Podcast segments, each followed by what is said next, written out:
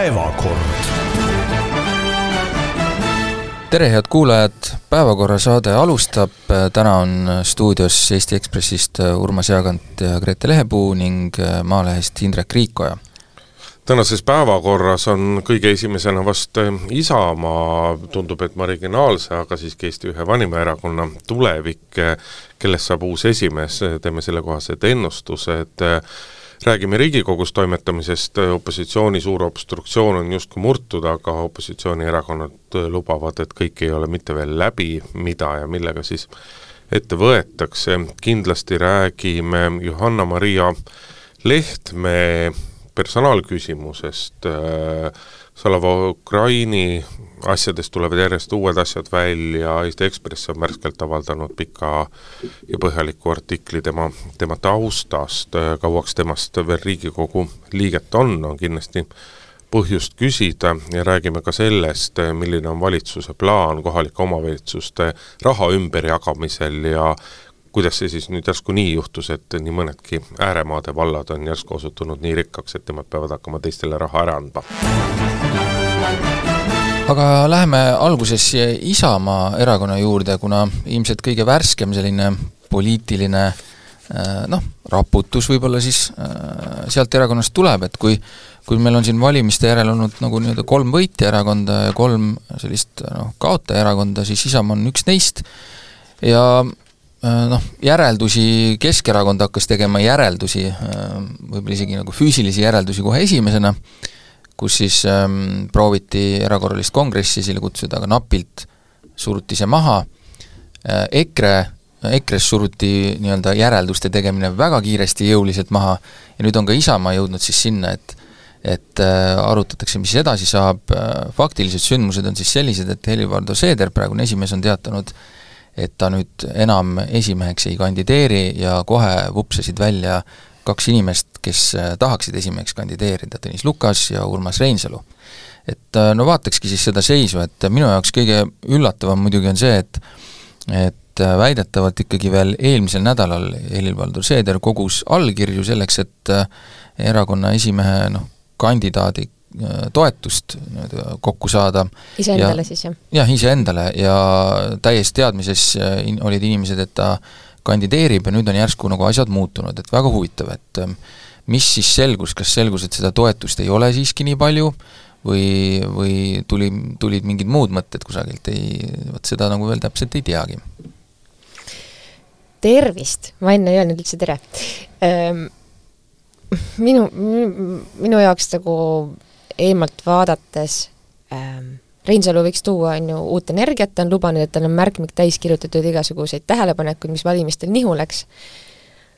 aga noh, laias laastus Lukas, Reinsalu, Seeder, vahet ei ole suurt, või ütleme, et ma ei näe, et nad, nad nagu kannaksid mingisugust äh, mingisugust erilist äh, uut energiat või mingit, mingit teistsugust lähenemist, mis äh,, mis Isamaad edasi aitaks sellest madalseisust, kus nad on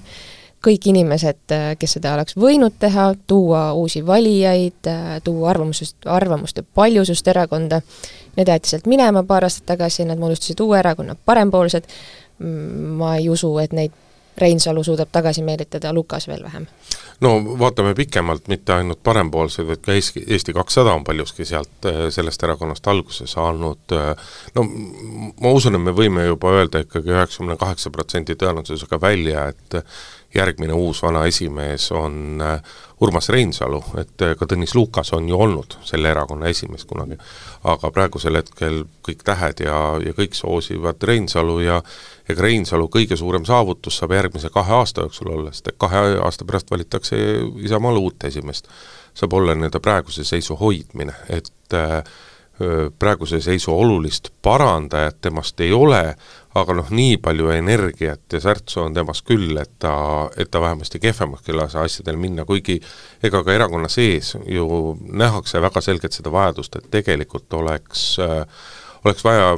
nii-öelda värsket inimest, pigem nooremapoolset inimest, kellel oleks uued ideed, päris paljud erakonna liikmed ootasid, et Riina Solman öö, äh, kandideeriks öö, esimeheks, esinaiseks, see oleks Isamaa-sugusele erakonnale muidugi väga suur, väga suur ja väga märgiline pööre, aga Riina Solman noh, küllap ta ise ei taha, saab aru, et ta ei ole veel, ei ole veel valmis selleks. pööre oleks endiselt selles, et siis on äh, erakonnal esinaine ideede poolest Riina Solman ju ei erine väga palju Seedri praegustest suundadest. aga ega poliitikas ongi väga tihti ka märg-, väga paljuski ka märkide keel ja see, kui Isamaa-sugune erakond saab endale esinaise, siis see on juba väga, väga, väga suur muudatus, aga erakonna sees juba tänasel hetkel vaadatakse ikkagi ringi selle nimel, et hea oleks ju tegelikult, kui oleks mõni nooremapoolne särtsakas inimene, aga noh, paljukest neid sellesse erakonda alles on jäänud. jah, selles ongi see suur küsimus, mida Grete ka ütles, et ähm, et erakond on minu arvates teinud selles mõttes strateegilise vea, et ma saan aru, et kui sul, et õudselt ebamugav on, kui mingid inimesed käivad ja kiunuvad kogu aeg, kuidas asju tehakse valesti, kuidas midagi tuleks teha teistmoodi, me peaksime olema mingites vaadetes natukene sinna või tännapoole oma suunda muutma, ja siis nad veel püüavad kuskil sudida mingites piirkondades enda inimesi nagu mingi võimule saada, ühesõnaga see kõik käib ilgelt närvidele neist inimesed oleks tore lahti saada. et oleks nagu mõnus ja rahulik olla. ja seda on nagu vaikselt tehtud, mõtlemata sellele, et tõepoolest, kui sa ühel hetkel ajad need sellised inimesed nagu minema või nad lähevad ise ära, enamik on tegelikult ju siiski ikkagi ise ära läinud, sest et nad on ilmselt tunnetanud, et et see ei, no ei ole mõtet. Siis, siis sa oledki olukorras, kus äh, kus sul ongi kandidaadid, kes on suhteliselt ühte nägu, mind tõesti väga huvitab, äh, kas seal erakonnas nüüd toimub siin äh, nii-öelda suurkoguni jäänud päevade jooksul ka mingisugune debatt või mingisugune arutelu, et mis siis nende kahe inimese nagu erinevus tõepoolest on, et kas neil on nagu mingisugust, kas inimestel on nagu midagi üldse valida nende kahe vahel, et et jah, te kõik mõle, mõlemad seda juba ka nagu mainisite, et justkui väga ei ole, noh, ma, ma eeldaks, nad püüavad vähemalt, püüavad vähemalt kuidagi midagi sealt leida, et et, et seal oleks mingisugust erinevust, sest et noh, eks nad on teiste erakondade pealt ka näinud, et niisugune esimehe võitlus, kui sul on kaks kandidaati, meil vahepeal oli mingi periood, kus hästi tihti olid üks kandidaat ainult, mille põhjenduseks siis oli see, et me oleme kõik nii ühtsed, siis nüüd on nagu leitud, et tegelikult on tark ikkagi mitu, et äh, esiteks ajakirjandus pöörab tähelepanu, kui on mingi intriig või konflikt, ja avalikkus äh, sealt võrra siis nagu samamoodi ja ka erakonna liikmed on kuidagi ärkavad natukene, kui on, kui käib mingi sisemine selline võitlus, et, et see on nagu kasulik, kui on kaks, aga nüüd äh, kas ta toimib sellisena, äh, kui, kui see debatt saab olema niisugune hästi aktiivne üksteisele kaasa noogutamine, noh, ei ole kindel me Gretega olime muidugi praegu, käitusime nagu täiesti professionaalsed poliitikud, et Urmas esitas meile selge küsimuse, aga me sellest küsimusest libises, küsimus oli see, et mis siis Helir-Valdor Seedriga juhtus ja mm. ega seal ei juhtunudki mitte midagi muud, et ta on viimasel kuuel aastal harjunud sellega, et sisulist konkurentsi tal erakonnas ei ole, teda on kuulatud, aga noh, see viimane valimistulemus näitas ikkagi väga selgelt seda, et Seedri tugevus on nii-öelda sisulised küsimused, maailmavaatelised küsimused, meile võivad need seisukohad meeldida või mitte meeldida, aga tal on väga selgelt nii-öelda oma asjad, mida ta ajas, pensionireform, tegelikult ikkagi noh, peretoetuses oli peretoetuste osas pluss veel mitmed, mitmed asjad, aga temas nagu ei olnud seda konjunkturismi ei olnud üldse, mida sul on erakonnajuhina paratamatult vaja, aga ta,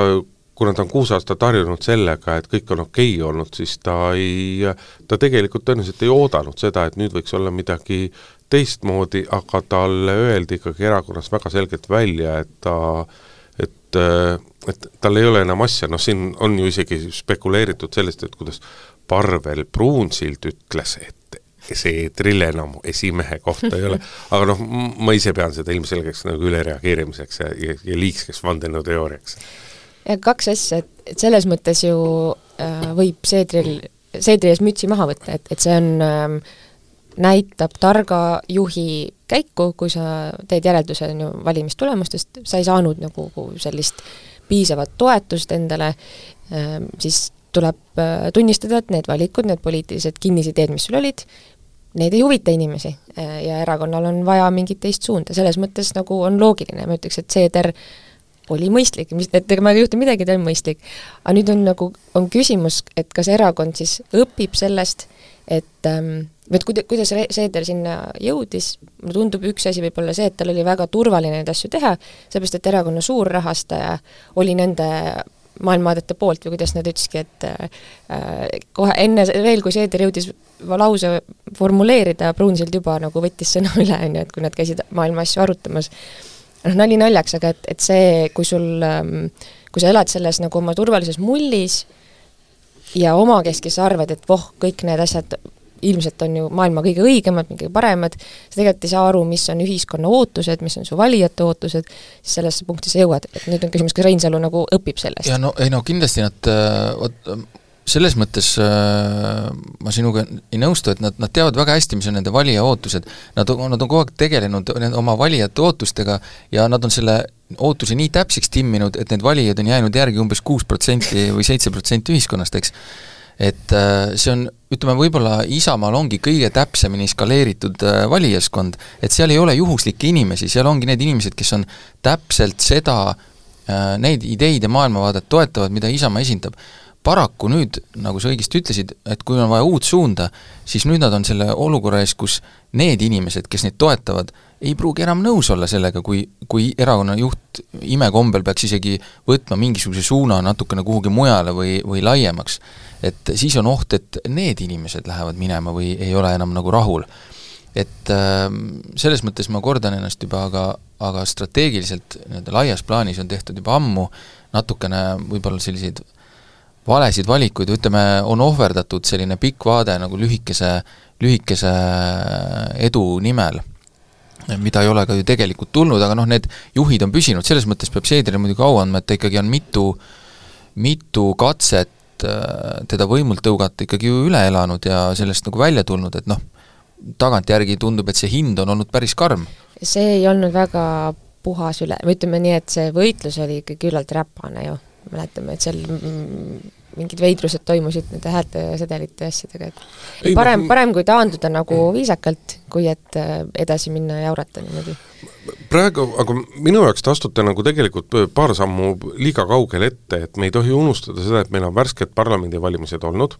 ehk järgmiste valimisteni on aega peaaegu neli aastat, ütleme, et kolm aastat on rahulikult tarvis, on võimalus nii-öelda rahulikult olla. saad ei olla rahulikult kohalikud valimised tulevad, enne seda on veel Europarlamendi valimised, millel jah, tõesti ei ole niisugune, aga kohalikel valimistel on aga ma lihtsalt tahan jõuda selleni, et äh, tegelikult on nii-öelda uue juhi ülesanne on järgmisel kahel aastal, mis esialgu tema, kui kaua tema ametiaeg kestab, on tegelikult eelkõige luua seda mainet, seda muljet. ei ole vaja nii palju teha sisulist tööd, vaid on mainet ja muljet luua. ja siin on ka nagu erakonna liikmed on väga selgelt aru saanud, et äh, et äh, Tõnis Lukasele heidetakse ette, et tema vanakooli mehena arvab, et kui ta paneb EÜS-i tekli pähe, et siis ta ongi kohe riigimees valmis. et temast nagu sellist sebijat ja töörügajat ei ole, äh, Urmas Reinsalul ilmselgelt on nagu särtsu, on, on tahet sebida, toimetada, teha, aga noh, tema puhul jällegi peljatakse seda, et et tema märkmik on noh, surmkindlalt on täis erinevaid jutupunkte, mida teha, aga kui palju on nüüd seal jutupunkte, mis temale tunduvad, endale tunduvad huvitavad ja asjalikud, aga kas need nii-öelda ka erakonna vaatest nagu töötavad ja aitavad erakonna mainet parandada ja seda reitingute toetust kasvatada, see nagu on omaette küsimus, et seal on see oht peidus, aga no aga ja. praegu jah, Reinsalu poole igal juhul nagu see kaalukoos kaldub. no küsimus on ju ka selles, et mida imet siis saab seal nagu leiutada, et, et üks kõige loogilisem mõte on see, et eh, mille peale nagu ilmselt tullakse, on see, et me peaksime ikkagi minema tagasi sinna nii-öelda parempoolse nagu vaate poole, mis puudutab näiteks ka majandust, eks ole, et, et et natuke rohkem sinna suunda, et eh, me ei tohi olla sellised konservatiivid nagu sel-, EKRE stiilis, kuigi nüüd nad on jälle rõõmsalt roninud ühte paati, eks, seal ob-, obstruktsiooniga, noh, see on asjaoludest tingitud, siis peaks võtma sellise parempoolsema suuna äkki, nii nagu võib-olla vanasti oli. aga mis on muutunud vahepeal? muutunud on vahepeal on see, et need, kes erakonnas varem täpselt sedasama asja soovisid, löödi minema või läksid ära ja tegid oma erakonna ja nüüd istuvad seal nišis ilusti. ja nüüd Isamaa on avastanud, et peaks ka sinna minema. no tere hommikust, noh. aga kas sina välistad selle, et äh, parempoolsed võiksid Isamaaga ühineda? Lõpuks ei saa välistada, aga see eeldaks parempoolsetes väga suuri muutusi, sest et seal on nagu tipus väga palju inimesi, kellel kindlasti ei ole mingit soovi äh, minna tagasi sinna, kust nad tulid, selleks, et äh, näidata, et nad on justkui teinud nagu vale otsuse. mis, mis on muidugi hea asi, mida Isamaast saada on, on, äh, on tõesti, on see nii-öelda mingi kindel valijaskond ja pikk ajalugu ja noh, tuleb tunnistada, et ega su point on õige, et äh, Isamaa ajalugu on täis ühinemisi äh, sellistel rasketel hetkedel, eks. et äh, ma ei tea, kas ongi üldse nii palju erakondi, kes on nii palju kas ühinenud või lahknenud, kui on Isamaa, ja ma üldse ei imestaks, kui see lahendus ühel hetkel olekski jälle see, et kas keegi võetakse juurde, et niimoodi laiendada oma seda nii-öelda skoopi, eks, või siis minnakse ise, noh, eks see olenebki kummalt poolt vaadata, aga see on üks äh, variant, mida Isamaa on va-, ajaloos varem korduvalt kasutanud ja ma arvan, et see on juba pähe tulnud väga paljudele seal, jah. sellepärast, et kui me nagu vaatame, meil on ikkagi nii-öelda, võib öelda, et Isamaast on kaks erakonda sündinud viimastel aastatel, et Eesti kakssada ja, ja Parempoolsed. Ja Eesti kahesaja peale ja, ja nende osade liidrite peale ollakse Isamaas palju verisemad kui, äh, kui parempoolsete peale. Ja ka kui me mõtleme selles konfliktis, mis oli, mille tulemusel parempoolsed tekkisid, seal oligi Seeder ja tema paindumatusel oli seal väga-väga suur roll, et ta, Seeder on väga kogenud, kogenud poliitik, aga samas on tal tal on, tal on omad väga selged nagu veendumused, kus ei ole teda võimalik, äh, kus ei ole teda võimalik kallutada ja mõned nendest veendumustest on ütleme siis, et äh, viisakalt öeldes, et on väga vanaaegsed. et, et kui see nüüd, et selles mõttes Reinsalu on kindlasti palju paindlikum sellistes küsimustes ja, ja poliitilises mõttes nii Isamaale kui parempoolsetele tegelikult tõuseks kahe erakonna ühinemisest tulu kahtlemata. Aga jätkame e, teemat siis sellega, mis Riigikogus on juhtunud. Nädala alguses e, murdis e, koalitsioon opositsiooni äh, obstruktsiooni ja noh, nüüd meil jääb üle oodata Riigikohut, et mis Riigikohus otsustab, kas see oli õige või see või see ei olnud õige, kasutati siis taktikat, et tänu ühele Riigikogu Kantselei õigusosakonnas valminud memole, mida opositsiooniga ei jagatud, leiti, et Riigikogu esimehel on õigus mingisugusel hetkel lõpetada äh, nii arupärimiste kui seaduseelnõude vastuvõtmine, protseduuriliste küsimuste küsimise lubamine ja asjaga edasi minna ja kui sellele kohtuvaidlusele mõelda, siis mind kõige rohkem muidugi üllatas opositsiooni advokaadi valik, et Paul Keres on küll väga tuntud, aga kui me nii-öelda vaatame viimaseid kuid või viimast pool aastat, siis tal nagu võite on tal kaunis kasinalt ette näidata. ja esimesena meenub äh see, kui pärast valimisi EKRE palus, on ju, Keresel e-hääletamine nii-öelda kohtusse kaevata, väga laialt, laias laastus sõnastades. ja siis öeldi, et vabandust, aga seda nagu hagi ei saa isegi sisse anda niisuguses sõnastuses või sellises plaanis, nagu neil oli see mõeldud. Ohkama võtab, no ütleme, ühtepidi nagu on, on tore see uus vaatus, et, et et on tore, et kombatakse läbi kõiksugu võimalikke nurgataguseid ja õiguslikke võimalusi ja, ja vaadatakse mm, kuidas veel parlament saab, ma ei tea, tööd teha või korraldada ja nii edasi, see on põnev on vaadata, aga teistpidi ma ütleks nagu vist kolmandat nädalat siin ma istun ja ütlen, ma hoian peast kinni, kui ma kuulen, kuidas sellest kõigest nagu siis nüüd inimestele, valijatele räägitakse. ja ma ei tea, kas ma, kas me avame kohe Kaja Kallase arutelud Hitlerist või võrdlused Hitleriga või, või jõuame sinna veidi hiljem, aga aga et ähm, jah, ma ei tea. sind on tabanud jõuetuse tunne, sest et väga keeruline on öelda, et kes on hea ja kes on halb, sellepärast et kõik osapooled käituvad täiesti üht, ühtemoodi ja täiesti ebaadekvaatselt. jaa, aga, aga miks ebaadekvaat-, või no ütleme, ebaadekvaatsust on ka, aga teistpidi nagu, miks mitte vahepeal nagu katsetada mingisuguseid variante, on ju. ei no siin, siin küsimus võib-olla ei olegi nagu selles mõttes katsetamises, äh, vaid et äh, noh, seadused, seadused on teatavasti sellised asjad, et sa ei saa neid nagu viimase piirini, eks ole, äh, ära reguleerida nendega asju, sest et et siis see, see nagu tegutsemisruum muutub nagu liiga ahtaks ja sa ei saa kõiki asju tule, ette näha. ja sellepärast on seadustes on alati selline mingisugune niisugune lõtk, ja niisamuti on seda olnud, eks ole, töö- ja kodukorraseaduses, mille alusel siis Riigikogu toimetab, ja äh, seal on olnud ka mingi hulk selliseid reegleid, eks ole, mille, mis, mis on sellised kokkulepped, mida nagu ei ole varem äh, rikutud, millest on kõik kinni pidanud, aga ütleme, viimased aastad on neid järjepanu alguses nagu vähem, aga mida edasi nüüd lähemale tänasele järjest rohkem nagu rikutud või selles mõttes, et need, need nagu justkui enam ei kehti. ja see ongi viinud selle olukorrani, kus nagu pannakse nende, selle seaduse nagu piirid proovile, et et selles mõttes unustame ära selle nagu selles mõttes põhiseaduse, et põhiseadusega on kõik korras, põhiseaduse järgi äh, Riigikogu teebki selles mõttes õiget asja, et ta peab iseennast organiseerima. et seda ei saagi keegi teine teha, kuna seadusandliku võimuharu on Riigikogu üksi ja ri-, nii et nad peavad ennast nagu ise korda sättima, et no, Riigikohus võib seal natukene, võib seal mingites asjades vaadata, kas mingi asi on seaduslik või mitte,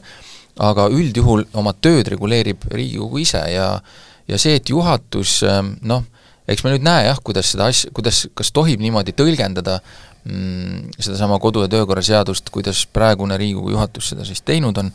noh, ka-, kahe kolmandiku ulatuses siis Jüri Ratas sellega ei ole nõus, arusaadavalt, aga noh, see selgub, aga üldjoontes ma arvan, et lõpuks me saame sellest asjast nagu nagu targemaks ja töö nagu paremaks, aga mulle tundub, et iga järgmine kord, kui noh, midagi reguleeritakse natuke kinni, tekitab see ikkagi jälle kuhugi teise kohta mingisugused võimalused midagi ära kasutada. et äh, selles mõttes ma arvan, et äh, sinna, kus see nii-öelda noh, mingid vanad head ajad, kui niisugused asjad on olemas olnud, kus Riigikogu tegi mingisugust kuidagi sellise, niisugust aatelist ja vähem poliittehnoloogilist tööd justkui mälu järgi, eks. Seda aega muidugi ei tule, et äh, selline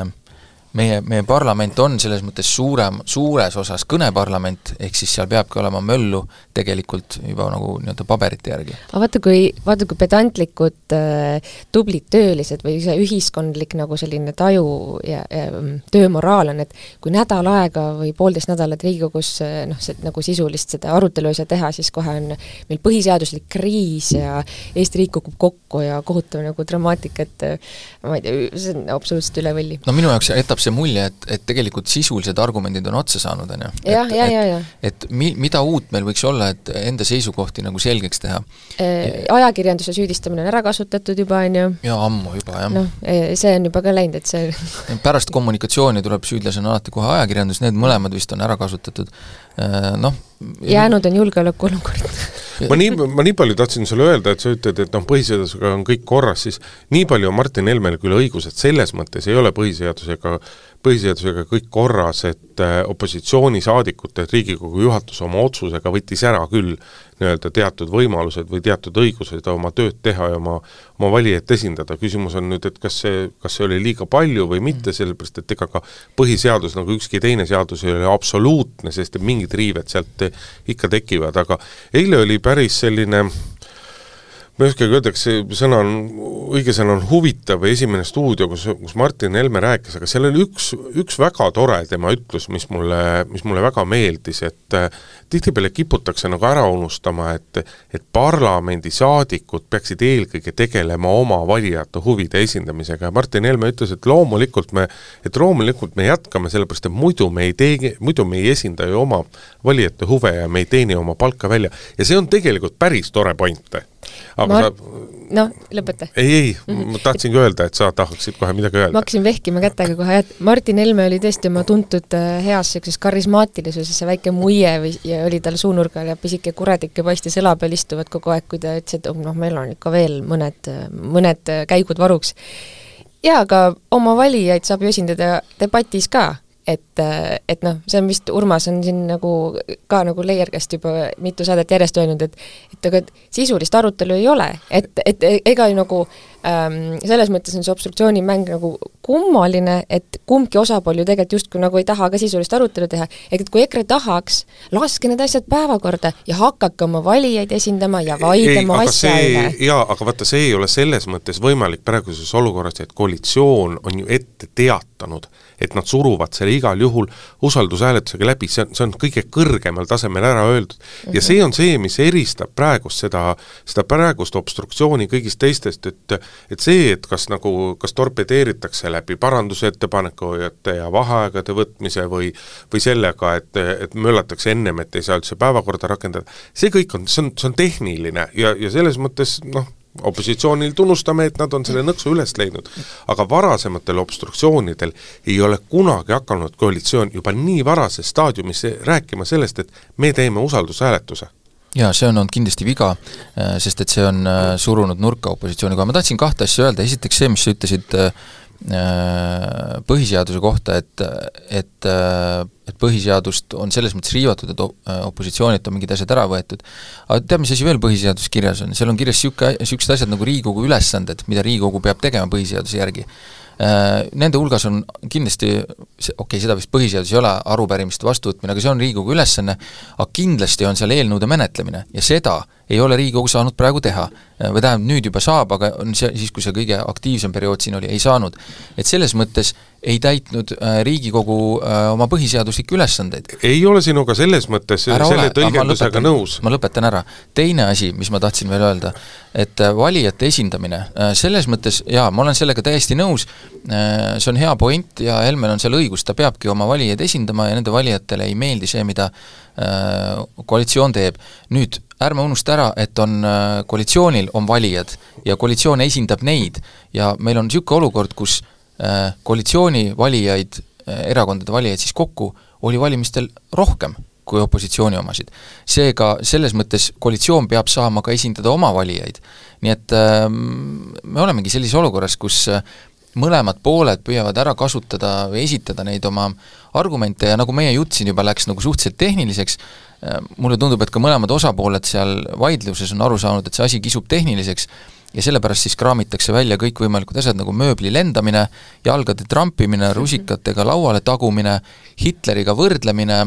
põhiseaduslik kriis, vaikiv ajastu ja kõik niisugused asjad, mida on lihtsalt mõnus kasutada, sellepärast et keegi ei viitsi arutada selle üle, mis asi on vaba või mis asi on imperatiivne mandaat, eks? oi kui palju võõrsõnu. jah, noh, kohe näha, et ikkagi kohe näha, et ikkagi ülikoolis õppiv inimene. just, ma tahtsin sedasama öelda. See, mis puudutab seda seaduseelnõude menetlemist, et me ei tohi unustada, et meie Riigikogu alustab tegevust ja meil, meie Riigikogu töö on selliselt korraldatud, et vanalt Riigikogu koosseisult tuleb asju üle minimaalselt ja uus Riigikogu peabki alustama alati sellega, et kõigepealt tuleb äh, parlamenti tuua eelnõud, mida, mida siis menetleda ja seda ju opositsioon ongi ju palehigis teinud, nad on, on tahtnud tuua tuhandeid ja tuhandeid häid häid äh, eelnõusid eelnõusid arut-. muidugi, muidugi. arutleda, aga ma tahtsin ikkagi tegelikult, Gretel oli kangesti hinge peal see, see Hitleri ja Venemaa ja kõige muuga võrdlemine. kas ma, kas ma enne kui sinna minna, ma Martin Helme juures veel peatuks ja ütleks faktina lihtsalt, et äh, põhiseaduse paragrahv kuuskümmend viis loetleb kuusteist ülesannet Riigikogule. nii et väike mälumängu äh, teadmine teile, kui keegi küsib kunagi. aga ähm, asi, mis mind äh, ajas päris leili äh,, kuulates Martin Helmet, oli see, kuidas ta ajab oma valijatele puru silma ja, ja ta teeb seda sellega, kui ta hakkab rääkima sellest, et äh, kas äh, koalitsioon rikub seadust või mitte, ta räägib seda siis selles mm, kontekstis, et, et äh, kuidas siis nagu obstruktsiooni murtakse, mm, et kas see takistamise murdmine on siis seaduspärane või mitte ja siis sealt sujuvalt nagu tei-, lause teises pooles hakkab rääkima siis nendest eelnõudest, kui ta ja, ja sellest, et justkui noh, et koalitsioonil ei ole mandaati ja nii, nii. ehk siis ta nagu mõtteliselt seob ebaseaduslikkuse märgi alla kokku ka selle mandaadi küsimuse ja siin Urmas saab laiendada kohe neid kauneid võõrsõnu, mis ta enne ütles. et see on, äh, ärge laske valijat endale puru silma ajada ähm,, ei ole ebaseaduslik Eestis valimiste järel ühelgi erakonnal, valitsusel äh, esitada mis tahes eelnõusid, vahet pole, et neist pole räägitud enne valimisi? ei, absoluutselt, ja tegelikult noh, see on omaette jabur küsimus, kuidas, kui vähe tegelikult nagu reegleid kehtib äh, kehtib erakondadele ja poliitilistele debattidele, poliitilistele lubadustele. minu meelest on see väga hea.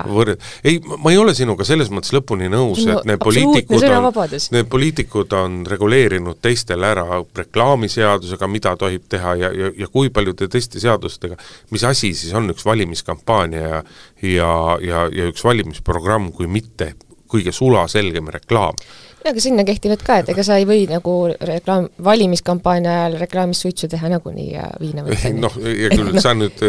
noh, sa oled teise äärde, me räägime sa ei saa reguleerida ju väärtuspõhiseid asju, väärtuspõhiseid kui sa ettevõttena lubad midagi, et kui sa tuled minu kliendiks, siis, siis, siis sa saad selliseid mm. asju, siis kui sa ettevõttena seda ei tee, saad sa karistada, kui poliitik ütleb, et kui sa tuled, kui sa mind valid, siis sa saad sellised asjad ja kui see poliitik seda ei tee,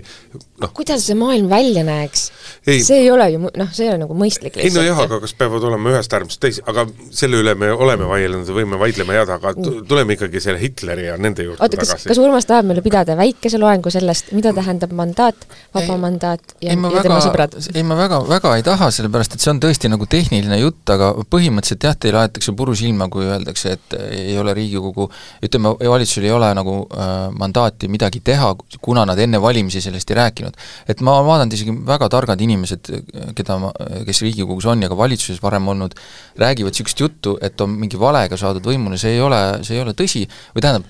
äh,, äh, võib öelda, et on valetatud, aga näiteks, on ju, oletame, aga see ei ole põhiseaduse rikkumine. et vaba mandaat tähendabki seda, et äh, saadik ja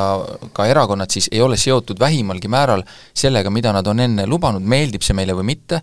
ja äh, nad võivad teha ka risti vastupidiseid asju ja kui, kui teid huvitab, miks see nii on, siis ma soovitan lugeda põhiseaduse kommenteeritud väljaannet, kus on noh, paremini kui mina oskaks äh, äh, seletatud ära, mis asi on vaba mandaat ja miks see sellisena on ja mis on selle vastand, ehk imperatiivne mandaat, mis puhul tuleb teha täpselt seda, mida on ette kirjutatud ja miks seda demokraatlikes ühiskondades ei kasutata ja miks see on näiteks, ma ei tea, Nõukogude Liidus näiteks oli selline asi see on poliitilise kultuuri küsimus tegelikult, ega siin mitte ja, midagi muud, mitte midagi ei ole ja see on poliitilise eetika küsimus, et eh, noh, me, me leiame praegu seal näited sellest, et eh, et lubati ühte ja nüüd teha, tahetakse risti vastupidi teha, et me leiame ka selliseid asju, aga noh, need, need on detailid, pigem on, tasuks kuulata viimasest nädalast neid äh, ühiskonnateadlasi ja, ja, ja riigiõigusspetsialiste, kes, kes kõik valdavalt nagu viitavad sellele, et et, et kõige valem on arvata, et äh, enamus annab sulle absoluutse õiguse ja on toodud seda kaunist paralleeli näiteks Ameerika Ühendriikidest või, või mõnest teisest kohast, et kui seal üks võidab ja asub võimule, siis ta esimene sõnum on see, et ma katsun nüüd teha kõik selleks, et need, kes siiamaani minu vastu olid, oleksid ka nüüd minu poolt ja tunneksid, et nad on hoitud ja hoolitsetud, mida Eestis ei tehta. aga no no sõnades jõuame... ikka kindlasti, Kaja Kallas on kindlasti öelnud, et mina tahan olla kõigi Eesti inimeste peaminister ja ma luban kusjuures ma ei ole muuseas selles sada protsenti kindel, kas ta pärast neid valimisi on öelnud, kuigi küll, küll on, küll on ta sõnaselgelt öelnud seda, et äh, ta ei tahtnud ebapoli-, ta ei tahtnud ebapopulaarsetest asjadest valimiskampaania ajal rääkida, sest et siis ei oleks ta võib-olla võitnud. aga, aga asuks nüüd selle juurde, mida Kaja Kallas päris kindlasti on öelnud. kes tsiteerib ja kui sul on see tsitaat ees, siis palun, sa võid seda ette lugeda, mul seda hetkel ees ei ole, aga aga mõte on see, et äh, tahtis siis äh, Kaja Kallas anda mõista, noh ütleme, natuke värvikamaks muuta või tuua võrdlus sellega, mida siis nagu opositsioon parasjagu teeb äh,, nii-öelda, ja kui ohtlik see kõik on, mida opositsioon teeb, ja jõudis sealt siis võrdluseni äh, mis puudutab Venemaa tegevust Ukrainas ja tõmbas seal ka paralleeli äh, Hitleri partei tegevusega siis Saksamaal tol ajal. jah, ehk siis äh, see võrdlus Venemaaga oli siis see, et jah, et Venemaa mm, enne, kui ta Ukrainasse täieliku pealetungi tegi, siis ta kutsus ilmarahva kokku, äh, riigipead, ja ütles, et nii, me nõuame nüüd siin NATO piiride taganemist ja veel oli seal mingeid asju, mm, ja noh, põhimõtteliselt pani no fakti ette, et kui te seda ei tee, siis me ründame sõjaga. no see juhtus ja seda noh, me teame kõik, kui kohutav see on, ehk siis väga ränk võrdlus, aga Kaja Kallas ei peatunud siin. Äh, ta ütles ka nii äh, seose kohta Hitleri aegse Saksamaaga, ehk siis tsitaat algab. väärtustega me kompromissi teha ei saa, see ongi see lehmakauplemine, kuidas see olema ei peaks, et pressitakse selliselt välja. kui te vaatate mitte ainult Eesti ajaloost, vaid ka teiste riikide, näiteks Saksamaa ajaloost, kus Hitleri partei pani parlamendi seisma, siis need on väga hirmutavad näited. tsitaadi lõpp. on jah, hirmutavad näited ja ma ei, ma täpselt nagu, ma ei, ma nägin seda pealkirja, ma tsiteerin praegu ERR-i uudistes, oli äh, Stuudios on peaminister saates vist, kui ma ei eksi, Vikerraadios. ja ma, ma täpselt samamoodi sügavalt uh-, ohkasin nagu Urmas, et mida sa saavutad sellise äh, täiesti üle võlli võrdlusega, mis ei ole kuidagi adekvaatne, mis ei näita sind kuidagi paremana, sa ei võida sellega nagu, sa ei veena sellega oma mm, vastaseid, sa ei, sa ei veena sellega ka oma pooldajaid ja see on lihtsalt äh, noh, see ei too mingit kasu, jah. et, et ühtegi tükki, ühtegi tükki jah. nende inimeste nagu äh, pundist see välja ei kanguta, kes praegu arvavad, et EKRE teeb õiget asja. et äh, Hitleriga võrdlus seda nagu kindlasti ei too, et, et sellepärast ma siin ka ütlesin ennem, et, et et mulle tundub, et nagu ratsionaalne jutt on ja mõtted on nagu suhteliselt otsa saanud mõlemalt poolt. Mm. Et, et me nagu selliste võrdluste peale nagu liigume, et ja Kaja Kallas ei peaks kartma ju enesekindlust ja selles mõttes tal on äh, noh, koalitsioonil on nii palju võimu, et, et see on nagu arusaamatu, mis ajab teda niivõrd äh, puntrasse oma argumentatsiooniga, et ta peab nagu täiesti üle võlli panema aga ja täiesti nagu välist... asju, mida keegi nagu kuul-, mida me argumenteerime edasi selle Hitleri väitega, noh. aga miks sa, aga miks sa, miks sa välistad võimaluse, et aga Kaja Kallas ongi täpselt samasugune tegelikult kui Martin Helme? Mi-, mille poolest? no iga poolest, oma, oma, oma, oma ilmavaate, oma, oma asjadele lähenemisele, oma mõtete poolest. et ta suhtub tegelikult täpselt samamoodi. nüüd see oli küll päris lai jõgi, millest sa üle hüppasid, et ma, ma pole niimoodi nagu mõelnud, aga äh, noh, äh, ei, ma ei arva, et nad on selles mõttes äh, samasugused, et mulle, mulle lihtsalt kohati tundub, et äh, ma, ma ju tegelikult sisuliselt saan aru sellest võrdlusest, mida Kaja Kallas toob, et, et äh, muidugi on seal sarnasusi, aga ma ei arva, et see oleks nagu parim näide, mida kasutada. et ähm, äh, selles mõttes ei no see on ikka täitsa rumal näide praegusel ajal sellist paralleeli tuua Eestiga. selles mõttes halb, on ju, aga, aga sisuliselt, kui me jätame sealt need nimed kõrvale, siis tõepoolest äh, nii-öelda see, mida tollal tehti, mida on ka tehtud igal pool mujal, ilmselt oleks leidnud nagu selliseid vähem inimeste, inimesi nagu ärritavaid näiteid, äh, mis oleks ka sobinud, et selles mõttes sisuliselt see näide võib olla õige, aga see, kuidas see nagu inimestele mõjub ja mis konteksti see asetab, noh et mis siit nüüd, ütleme, kui see asi veel kestab mitu nädalat, mis siit järgmine näide oleks, mida saaks tuua, mis oleks veel nagu karmim kui võrdlus äh, Hitleri parteiga? ei no, no ta ei pole, tegelikult ta ei ole siiski ka sisuliselt õige, sest me ei saa ei parlamendis toimuvat ega Eesti situatsiooni võrrelda ei Venemaaga ennem Ukraina sõda, ega me ei saa kindlasti ka ka äh, Natsi-Saksamaaga võrrelda, et selles mõttes need paralleelid ei ole tegelikult üldse õiged, aga mina tahaks selles juhtumis tegelikult äh, teha mõningasi etteheited ja selle käigus tegelikult ka muidugi võib-olla iseendale, iseendal soovitaks sisse vaadata, et kui me vaatame, kuidas neile Kaja Kallase sõnavõttudele reageerinud on Eesti ajakirjandus, ja kui me mõtleme, et sellist asja oleks öelnud Martin Helme või Mart Helme, siis ma väidan, et et, et ajakirjandus kohtleb Kaja Kallas selle väljaütlemise eest liigselt siidikinnastega. ja see on, ja see on natukene ajakirjanduse probleem, et äh, erinevatele inimestele kehtivad kohati erinevad standardid ja osad inimesed saavad endale lubada rohkem kui teised. no aga ütleme niimoodi, kui sa küsid, miks see nii võiks olla, siis äh, ütleme niimoodi, et kui inimene üldjuhul ei käitu äh, nagu tõbras äh,, siis äh, teda ka nagu, et ütleme, siis saabki inimene mõningal määral asju ka andeks, eks. et äh, kui sa, kui mõned inimesed meil poliitikas käituvad väga äh, halvasti äh,, siis noh, ei ole sinna midagi parata, ka teisel pool on nii-öelda selles mõttes teisel pool, et kes sellega, kes nende asjadega tegelevad, on samamoodi inimesed, et see mõjub. et ei, ei maksa arvata, et nagu kuvand ei mõju. eks ta ikka ma, mõjub. et ma... me püüame olla alati nii objektiivsed, kui me vähegi suudame ja me seda kindlasti nagu oleme, aga nüüd see, et mm, kui mõni inimene äh, loob endast ise jõhkardi kuvandi, eks, mida meil siin mõned poliitikud on teinud, siis ehm, noh, kindlasti võetakse neid asju natuke teistmoodi. ma meenutaksin seda eelkõige Reformierakonnale, et siis, kui äh, Mart Helme rääkis oma, rääkis oma sellest, kuidas Soome peaministriks sai müüjatar ja nii edasi, siis need olid väga paljud Reformierakonna liikmed, kes äh, kes rääkisid toona sellest, et kuidas Soomes, kui siseminister selliseid asju ütleks, siis ta ei astuks kohe automaatselt tagasi, aga näed, Eestis eriti EKRE-s poliitilist kultuuri ei ole ja Eestis midagi sellist ei juhtu, et kui Sanna Marin oleks äh, parlamendi, või mitte parlamendi ees, vaid kuskil Soome meedias öelnud sellised sõnad nagu Kaja Kallas praegu, et siis ma tahaks Reformierakonna inimestele meelde tuletada, et Sanna Marin oleks tagasi astunud Soomes seal, ükskõik milline Soome peaminister oleks selliste Või... sõnade peale tagasi, ma olen, ma olen sellest hästi surmveendunud mm., Rootsist ma ei hakka üldse rääkima, aga ütleme niimoodi, et ja, ja ega see nüüd Kaja Kallase selles mõttes see väljaütlemine midagi nagu väga, väga erilist ei ole, et kui me siin vaatame kas või viimaseid nädalaid Äh, Kaja Kallase esinemisi Riigikogus, siis äh, siis ta on ikka noh, ta on käitunud täpselt samaväärselt nagu EKRE või mõned teised, et äh, et pole vaksigi vahet. jah, et, üks asi on, on see, et kas meile nagu see retoorika nagu maitse küsimus on ju, aga teine asi on lihtsalt ka strateegiline tarkus, noh, et see, see,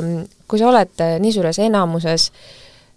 kui su, kui su tüli on väga suur juba üleval, kui ähm, op-, opositsioon su vastane nagu on teinud mingisuguseid kompromissimärke, no mängis ka kaasa, et sa nagu püüad seda mingit kompromissi leida või noh, et see sa ei aita lahendada seda probleemi ja sa ei aita rahustada ühiskonda. aga vaata, me eeldame, et Kaja Kallas saab olla ja võib olla kohut-, tohutult enesekindel, aga üks asi, nagu sa ütlesid, Martin Helme oma eilses saates, ta, ta hämas noh, kas teda mõnes kohas saab nüüd valetamises süüdistada, aga ütleme niimoodi, et pooltoonidega mängis ta väga osavasti. aga üks teine asi, mis ta väga õigesti ütles, on ta see, et et Reformierakonda me selle tantsuga ei murra aga mõnda teist koalitsioonierakonda võime murda küll, kui nad näevad, et nende toetuse, toetus on äh, kukkunud poole võrra. ja Kaja Kallas teab seda sama hästi kui Martin Helme. Ja selles mõttes see jutt sellest, kuidas äh, Kaja Kallas on kohutavalt, tohutult enesekindel ja ta ei pea millegi pärast muretsema, see on, see on, see on kaugel tõest, nad on väga ebakindlad, nad saavad väga aru, oleme ausad, siiski eelmise nädala lõpus oldi Riigikogus äh, kas nüüd just väga lähedal kompromissile, aga see kompromiss oli tollel hetkel väga selgelt õhus. ja kui ei oleks tulnud Riigikogu juhatusele seda õigusosakonna memo, siis selle nädala lõpuks oleks kompromiss käes olnud. vahetame teemat ja räägime MTÜ Slava Ukraini asutajast, eestvedajast Johanna-Maria Lehtmest, talle saab panna juurde veel trobikonna tiitleid aasta inimene, aasta Euroopa kodanik, aasta naine, äh, väga palju kiidetud äh, ja väga palju head teinud inimene kahtlemata, ajal, mil kogu Euroopa oli hetkeks nagu tardumuses, et tõepoolest Ukrainas on läinud päriselt sõda lahti, siis just sellised MTÜ-d, nagu tema alustas, ähm, olid need, kes reageerisid kõige kiiremini, said olla kõige paindlikumad, paindlikumad kui riiklikud ja, ja rahvusvahelised organisatsioonid või riiklikud süsteemid aga paraku ähm, tuleb tunnistada, et noh, uudis ei ole see, et, et ühel hetkel kasvas MTÜ haldamine üle pea äh,, aga mida me nüüd Eesti Ekspressis oleme välja uurinud ja teie jaoks lugemiseks kirja pannud, on, on see, et ähm, häda ikkagi paraku hüüdis tulles ja, ja Lehtmel on käitumis, on olnud varasemalt äh, mingisugused äh, sarnased mustrid. sarnased, ma jah, ma tahtsingi jõuda sinna, et, et on nagu juhtumid, mida ma, ma kardan, nüüd võib ütelda, et on käitumismustriks muutunud. Eh, ehk siis ähm, suure entusiasmi järel, ma ei tea, kas see on siis ähm, mingisugune ületöötamise või mingisuguse ähm,, mille tulemusena äh, juhtuvad asjad äh,, mida saab tõlgendada ainult omakasu võtmisena. lihtsalt spekule-, spekuleerides aga võib-olla lihtsalt äh, ei tekkinud mitte nii-öelda suure ületöötamise järel, vaid nad on juba algs-, algusest peale selles entusiasmis sees, selles ja sellest lihtsalt selles esimeses tohutus entusiasmipuhangus ei panda neid asju tähele. ma ei, ma ei ole nõus sellega päris sellise väga, nagu selle väga suure üldistusega, et äh, ma olen üsna kindel, et Lehtme alustas täiesti siira sooviga, et tal on siiamaani see siiras soov Ukrainat aidata ja sellepärast ju saigi väga palju head tehtud ja, ja rekordilised summad kogutud, me räägime üle, enam kui kuuest miljonist eurost, on ju, mida Eesti rahvalt kokku koguti ja ja millega mm, saadeti äh, juba kolmandal päeval vist, läksid kiirabiautod teele Ukraina poole, et see tohutu kiirus ja, ja, ja oskus ka äh, leida kontaktid või saada teada, mida Ukrainal on vaja, ju, et seda kõike on, on tema puhul ju kiidetud. ja ma arvan, et ta tegigi seda siiralt äh,. Aga siin loost äh, mm, tuleb välja, et kuskil millalgi eelmisel suvel äh, hakkas rolli mängima Lehtme jaoks äh, rohkem äh, üks isiklik suhe Ukrainas Hennadi Vaskiviga. Ja kahjuks Lehtme ei, ei leidnud aega, et selle, seda kõike kommenteerida, nii et me tegelikult ei, me ei tea nagu, mis seal taga on või mis olid need põhjused, miks siis ikkagi mm, ühel hetkel Slava Ukraini hakkas tegema koostööd, on ju, eraettevõttega, mis kooris väga magusa kasumi siit pealt jah, seda lugu ümber jutustada oleks keeruline, peaksite seda ise lugema, et ja vaatama, mis, mis pilt teile sealt nagu avaneb, et et me ei saa jah, lõpuni nagu öelda nüüd Slava Ukraini puhul, kas, kas selle vedaja Lehtme on sealt nagu mingit isiklikku kasu saanud, et, et siin teistes väljaannetes mõned inimesed, kes on rääkinud, kes ka meie loos siin esinevad, on nagu viidanud sellele, aga veel tõendeid nagu veel esitatud ei ole, küll aga me teame, et Lehtme on proovinud saada isiklikku kasu ühest varasemast töösuhtest, mis siis lõppes sellega, noh, lõppes nagu ikka, töölt lahkumisega ja tuli raha, mis oli kõrvale läinud, nagu tagasi anda, et noh, see ei jäta nagu tervikuna head muljet ja ma arvan, et kui, kui meil ei ole võib-olla mõtet jah, seda nagu lugu ümber jutustada, mõelda lihtsalt, mis siis nagu nüüd see kõik nagu edasi tähendab, et äh, väga suure küsimuse ees on kindlasti erakond Eesti kakssada äh,, mis peab, mis siis mulle tundub, võitis selle ralli äh, nende erakondade seas, kes siis ilmselt äh, tol hetkel, kui enne valimisi, kes talle tormi jooksid ja ma olen kindel, et äh, päris paljud jooksid, sellepärast et ta oli väga populaarne äh,, ja nagu me näeme ka Eesti kahesajas ähm, üle viie tuhande hääle, ma arvan, et kui ta oleks olnud noh, ma ei tea, Reformierakonnas või kuskil, siis häälte arv võib-olla oleks olnud äh, kümme tuhat. lihtsalt kontekstist, et äh, enne oli juttu Tõnis Lukasest, ta sai kaks korda rohkem hääli kui Tõnis Lukas, kes kandideerib teise suure erakonna esimeheks. Eesti kahesaja puhul on kõige pentsikum olnud see, et kuidas nad siiamaani on, on esinenud, eriti, äh, eriti Lauri Hussar, kes äh, noh, kellesse inimesed suhtuvad erinevalt, aga kes on siis, kellel on väga pikk ajakirjanduslik kogemus ja kes teab, kuidas asjad üldiselt käivad ja et see, kui nagu resoluutselt tema on äh, on äh, Lehtme selja taha asunud, selle asemel öelda, et ootame ja vaatame, eks ole, et me ei hakka inimest ennem risti lööma, aga ootame-vaatame. no seda ta on sest, ikka viimasel ajal öelnud rohkem kui päris alguses. sest et noh, elu on ikkagi näidanud seda, et kui mingisugused asjad hakkavad kerima, siis nad kerivad ja ja reeglina nii-öelda tühjast kohast ikkagi midagi ei, midagi ei tule, et praegu on see kuldne küsimus on pigem ikkagi selles, et kas Johanna-Maria Lehtme saab parlamendis jätkata või ei saa, kas see on kas see on Eesti kahesaja huvides, kas see on Eesti poliitika huvides, kas see on Eesti rahva huvides, et meil on selline selline rahvaesindaja, aga Eesti kahesajale siin muidugi järjest tuleb, et praegu on nende nende esindaja Tarmo Tamm on keskkonnakomisjoni esimees parlamendis ja keda siis kahtlustatakse ebaseaduslikus raietegevuses, et ma arvan, et Inviine võib Eesti kahesajale veel tulla parlamendiliikme, aga noh, tegelikult äh, Lehtmel oleks mõistlik äh, parlamendikohast loobuda tänasel hetkel? ma nüüd tagantjärgi mõeldes isegi ei imesta, miks Eesti kakssada või, või Hussar Lehtmet on kaitsnud, sest et ta on väga osava jutuga. ja ma ei, ma ei väida, et ta siin on kuidagi nagu, ma ei tea, valetanud või nii, aga et talle on nii nagu, nii lihtne kaasa elada. ta on sellest, nii siiras inimene. sellest loost ka selgub, kuidas, kuidas ta tõesti äh, noh, tema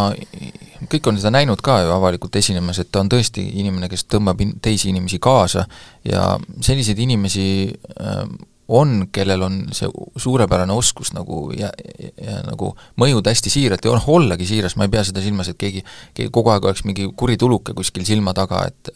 et inimesi nagu tünga teha, aga kes ongi sellised hästi siirad ja hästi vahetud ja äh, nagu siit loost ka välja tuleb, päris mitmed inimesed tagantjärgi imestavad, et kuidas nad lasid ennast noh, äh, noh, uinutada siis võib öelda, et ma arvan, et et Eesti kakssada juhtkond paraku käib läbi sedasama etappi praegu. oota, teie jutust käib ka see, läbi see hästi siiras, hästi vahetu, hästi siiras, hästi vahetu. mina isiklikult ei usu, et kui inimesel mitte rääkides konkreetselt temast, aga et kui inimesel ei ole just meditsiinilist diagnoosi, siis ei ole võimalik, et inimene on on hästi siiras hästi vahetu, hästi siiras hästi vahetu ja siis järsku on, on on, on, on, on sant tõbras ja, ja, ja teeb kurja. ja siis on jälle hästi siiras, hästi vahetu, hästi siiras, hästi üks vahetu. ei välista teist tegelikult. et äh, tegelikult ei välista ju. noh, selles mõttes ei välista, aga siis on see, et, et üks nendest staadiumitest on nagu võlts, kas hästi kuri olemise staadium ja hästi paha olemise staadium või hästi sii-, hästi siira ja hästi vahetu olemine, olemise staadium, et kui palju on siin nii-öelda nagu mängu, kui palju on, aga, aga, aga loomulikult ja, aga... on olemas ka meditsiinilised diagnoosid, mille puhul inimesed võivad niimoodi käituda. no si-, sinna, selleks meil ei ole teadmisi või jaa, sellepärast ma ütlesingi, et mitte rääkides kui, konkreetsest inimesest. et kui, kui taaskord nagu niimoodi ül-, üldistada või arutleda nende olukordades, kui ühiskonnas kerkivad esile inimesed, kes hiljem meile väga suure pettumuse valmistavad, on need mingid skeemimeistrid või kes on millegagi siis vahele jäänud lõpuks et seal äh, alati tekib küsimus selles motivatsioonis, on ju, või et, et mis see oli, mis nagu kuidagi üle võlli keeras, on ju, me ei, me ei tea seda päris täpselt. Ja mul oli mingi mõte, kus ma tahtsin jõuda, no vaata, me ei tea jah, mis oli see, mis asja üle võlli keeras ja ega tegelikult me ei tea jätkuvalt seda, millal see asi, või noh, me selle üle võlli keeramise all peame silmas seda, et et osa rahast kas siis Lehtme teadmisel ja otsesel seotusel või või mitteteadmisel ja mitteseotusel või teadmisel, aga mitteseotusel mm. hakkas vasakule liikuma, et me tegelikult ei tea, millal see juhtus. ja, seda kinnitavad ju selle MTÜ inimesed ka, kes seal on varem töötanud, et ega nemad ka ei teadnud ja see oli, see oli üks suur konfliktide põhjus, oli see, et et, et, et sa võisid küll vastutada millegi eest, aga reaalselt sa ei saanud, sellepärast et mm. Lehtme üksi otsustas ja tegi mm. ja sina said mõnest asjast televisiooni vahendusel teada. ja me, me ei saa ka välistada, et tõesti ka Lehtmet on petetud et ikkagi noh, ole, olenemata ka sellest, et ta mingeid asju teadis, on ju, on inimesed, allikad, kes ka oma näo ja nimega räägivad sellest, et ta oli teadlik nendest asjadest, aga et, ähm, et kuidagi talle suudeti see ära põhjendada. et mu no, küsimus on, et kas ta on suutnud ennast lugu... veenda selle, vaata mõnikord inimesed iseendale valetavad või kuidagi nagu põhjendavad ära oma eksimusi, oma neid väärtegevusi, nad teavad, et nad ei käitu tegelikult õigesti, aga nad kuidagi suudavad selle nagu ära õigustada nüüd on küsimus, et mis see õigustus oli ja kas see õigustus tuli tal kuidagi oma seletusest või on seal, on tal äh, Ukrainas inimesed, kes seda kuidagi suutsid talle selgeks teha, et tead, tead, nagu te Eestis, te oletegi nii super ja sina oled nii super, aga tead, nagu meil Ukrainas lihtsalt me, meil lähebki kolmandik sulas ikka veel, nagu me ei saa siia parata. aga vaata, nagu sa väga õigesti ütlesid, et, et ta, et ta, et ta põhjendab õigustab, kuigi ta teab, et ta tegi valesti. Need kaks asja nagu saavadki eksisteerida ju samal ajal ma loodan, et ta teab, et ta tegi valesti. aga vahetame jälle teemat. Lähme edasi, võib-olla tagasi siis valitsuse mm, tegevuste juurde, valitsusel on siis äh, äh, plaan, kuidas äh, kohalike omavalitsuste noh, tasandamisega hakata tegelema, kuidas sellist ebavõrdsust siledamaks lihvida ja no mis see siis ikka on muud kui raha ümberjagamine Äh, plaani nii-öelda kõige hästi lihtsust, lihtsustatud kokkuvõttes on siis äh, val-, see, et vallad, kes või omavalitsused, kes on tunnistatud justkui nagu rikkaks, nendelt siis võetakse natuke rohkem äh, raha ja siis Robin Hood läheb jooksuga vaesemate valdade juurde ja jagab see raha neile laiali et hästi lihtsalt öeldes midagi umbes sellist võiks olla, ei ole vaja vist isegi öelda, et omavalitsused ähm, ei ole selle plaaniga vist eriti rahul, mm, ma olen aru saanud, et rahul ei ole ei need, kes seda saavad, kes arvavad, et saab vähe, ja need, kes peaksid ära andma, kes arvavad, et nad annavad ära liiga palju. Seal valikus on mitmeid loogilisi asju, kohe kui see mõte välja käidi, veel esialgu loodava koalitsiooni poolt, siis räägiti sellest, et noh, nendesse et äh, äraandjate sekka siis tuleb Tallinn, Tallinna ümbrus ehk see kuldne ring Tallinna ümber, äh, pluss siis Tartu, Tartumaa mõned, et äh, kõige suurem üllatus on vast see, et me leiame sealt näituseks me leiame sealt näituseks Hiiumaa, me leiame sealt Haljala, me leiame sealt veel mingisuguseid valdu, kelle puhul tekib küll ikkagi nagu suur küsimus, et kuidas neist nüüd järsku on saanud Äh, jõukad vallad, no see tõde muidugi peitub selles, et üks asi on nii-öelda ettevõtlus, kes sinna piirkondadesse koondunud on, aga teine pool on, olulist rolli mängivad ka sellest, et paljud äh, nii-öelda Tallinna inimesed, kes on väga hea sissetuleku peal, on, on vormistanud ennast ametlikult kuhugile, kuhugile mujale elama ja, ja siis nii-öelda nende tulumaksu osa laekub siis sellele vallale. aga noh, tegelikult on, küsimus on ikkagi selles, et ega toimub lihtsalt ümberjagamine, et mitte midagi uut ei tule, mitte midagi juurde ei tule, ehk äh, valitsus üritab, koalitsioon üritab äh, nii-öelda justkui ennast ehtida siis tegelikult teiste inimeste rahakotiga. No see on niisugune klassikaline olukord, kus äh, jah, et äh, on lootus, et kui sa tõstad nagu ühest taskust asjad teise, siis, siis sealt tekib mingisugust äh, mingisugust äh, positiivset tulemust, noh selles mõttes võib-olla tekib, et äh, tõesti äh, on mingisuguseid noh, võtame ka inimeste tasandil, kedagi tuleb nagu järgi aidata ja kellegi teise raha eest, kellel on seda rohkem ja kes on seda siis nagu ühises, nagu maksukassasse siis maksnud, eks aga ma olen sinuga täiesti nõus, et see on ikkagi, ja see on, mis selle lahenduse pluss muidugi on, et see on kiire. et äh, meie suur häda on ikkagi see, et miskipärast ei ole omavalitsustel äh, kuidagi kas võimekust kõigil või soovi ikkagi mm, saada enda omavalitsusse seda, mis siis seda rikkust nagu loob, ehk siis ettevõtlust, ettevõtlikke inimesi ja ettevõtteid. ja mm, kui, kui asi juhtub olema natukene suurem, mingisugune üritus, plaan, siis see kohtab väga suurt vastuseisu väga tihti ja mingid plaanid jäävad pooleli ja no mina ei tea, ma võib-olla teen osadele omavalitsustele, tähendab kindlasti teen osadele omavalitsustele liiga, sest et mõned neist, ma usun, kindlasti võimlevad ennast higiseks selleks, et saada endale investeeringuid ja ettevõtteid, aga mulle tundub, et päris kõik seda kindlasti ei tee ja osadele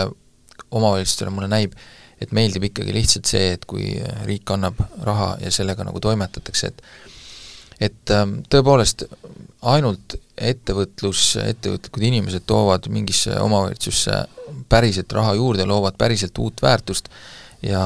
see, mida valitsus praegu teeb, ringi jagamine, see saab olla ainult noh, hädameede, mis on parimal juhul ajutine, et, et natuke, et ei juhtuks nagu mingit päris katastroofi. aga vaata, see on laiem probleem, sest et tegelikult kui me vaatame kogu nii-öelda seda, kogu seda ettepanekute paketti, millega, millega koalitsioon on välja tulnud äh, kus räägitakse justkui eelarve defitsiidi vähendamisest ja nii edasi, siis ega tegelikult see ongi üks suur ümberjagamine, mis nagu toimub, et mingisuguseid värskeid ideid ja mingeid uusi lahendusi ja uusi käike ei ole nagu kopika eestki. ja nii, nagu see omavalitsuste puhul ei, ei tõuse sellest tegelikult lõpuks suurt kellelegi väga suurt tulu, nii on see ka kõige muuga. no võib-olla olekski siis hea, et, et mingi selline esimene plaaster sellele arteriaalsele verejooksule peale pannakse korraks, et siis hiljem äh, skutti minna otsima või noh, võib-olla eba, kohatu võrdlus, aga aga no palju parem kui mõned võrdlused, millest te rääkisite mille me enne rääkisime. Mul jäi silma ka uudis haakuvalt selle teemaga sellest nädalast, kus um, uh, oli vist Viljandimaal üks kooli, ei, vallajuht rääkis sellest, kuidas tal ei ole ametnikke tööl. ja see tähendab seda, et kui kümme äh, positsiooni on täitmata, siis neid, selle kümne inimese tööd teevad ära need, kes seal vallas veel töötavad, ja, ja põhjus on ennekõike palgas. et riigi, et ametnikud vallast lähevad näiteks riigiametnikuks, sealt saab rohkem palka, või lähevad erasektorisse, sealt rohkem palka. et see noh, vajadus on ju karjuv. või, või meenutame siin eelmist aastat, kui äh, mõned vallad olid pankroti väljakuulutamise veere peal, on ju. kuigi seal vist oli mingid sellised äh, miks eelmist? see, see, see aasta? see aasta oli see, jätkuvalt see olukord kõik jätkuvalt no võt, kestab? no vot, on ju, et meil on nagu kiiresti vaja. ja äh, siis me lo... kuuleme, kuidas ministeeriumides on üksikud inimesed, kes teenivad vähem kui kolm tuhat äh, eurot no kuule, ära hakka, iga kord me jõuame jälle selle teema juurde ka tagasi, kuidas ametnikud midagi ei tee aga see on oluline teema, sellepärast et suur osa nendest ametnikest erasektorist sellist palka kunagi ei saaks võib-olla, mind, mind endiselt kõige rohkem hämmastab selle asja juures see, et äh, ma ei saa üle sellest, kui valitsus tegelikult ütles omavalitsustele, me loome teile võimalused, kuidas te saaksite näiteks rohkem maksuraha koguda või mingisugused äh, ütleme, laiendame neid võimalusi ja siis see, mis praeguseks on kõlama jäänud, on see, et äh, Maamaks. ei, me ei taha seda tegelikult mm.. sellepärast, et koha peal ei ole võtta, saa aru, kallis Urmas, sellest ei ole võtta, kus sa võtad ma, ma oleks, ma ei oleks oodanud sellist reaktsiooni, ma oleks oodanud, et reaktsiooni, et me noh, äh, kui meil luuakse, väga hea, kui meil luuakse võimalused, me vaatame, kas meil on võimalik siit midagi kombineerida, kuidagi muuta seda dünaamikat, mismoodi me raha kogume ja kellelt, esimene reaktsioon oli see, et oo, et ei, meie küll ei taha mingit, mingit või-, me ei taha, mitte et äh,, pane tähele, mitte ei öeldud, et me ei taha koguda makse, vaid me ei taha isegi seda võimalust, lihtsalt andke meile raha. ei noh, päris nii see nüüd ei olnud, sest no, et see valitsuse vähem. abi oli ikkagi see, et Urmas, kui sina pead, vabandust, Grete, sina pead veebi eest hea seisma, ma toon sulle paki pliiatse, harilikke pliiatseid ja värvilisi pliiatseid ka, siis sa saad paremini veebi teha. no, no kuulge, me saame ju kõik aru ja ega samamoodi see oli päris hea võrdlus. valitsuste ettepanekutega, eks ole. aga võtsin sult Grete sõna ära. jah, ma lihtsalt äh, mõtlesin ajaloo huvides võib-olla, et, et me enne mainisime, et Hiiumaa on jõudnud äh, rikkamate valdade sekka või kuidagi Vormsi oli ka seal ära mainitud. no Vormsile, ma ei tea, kas enam on, aga registreeris ennast mõni aasta tagasi elama Ragnar Sass, kes on üks Eesti edukamaid ettevõtjaid, äh, firmaomanikke, et, et tema äh, ja, ja võib, et võib-olla nagu mingid statistilised errorid on, on põhjus äh, või anomaaliad on põhjus, miks see nagu niisugune tabel nagu tekkis, mistõttu ma tahaksin, et äkki nüüd äh, edaspidi me ei peaks kiirustama nende eelnõudega, et juba nagu paaril juhul on tekkinud, kui ministrid ise ütlevad ka, et oi-oi, vead on sees, et äh, võtame korraks võib-olla käigu maha, kasutage seda obstruktsiooni selleks, et siis äh, võib-olla teha neid mõjuanalüüse rohkem ja, ja Kaja Kallas küll ei usu väga aruteludesse, et kas kaks protsenti siia-sinna maksutõusu on üldse arutamist väärt, aga pal-, palun arutame. aga meie anname arutelu aega mõned minutid juurde sellega, et oma saadet üle tunni aja ei lase, Grete Lehepuu, Urmas Jaagant ja Hindrek Riik olid stuudios, suur tänu teile kuulajatele ja järgmisel reedel on juba uus saade üleval päevakord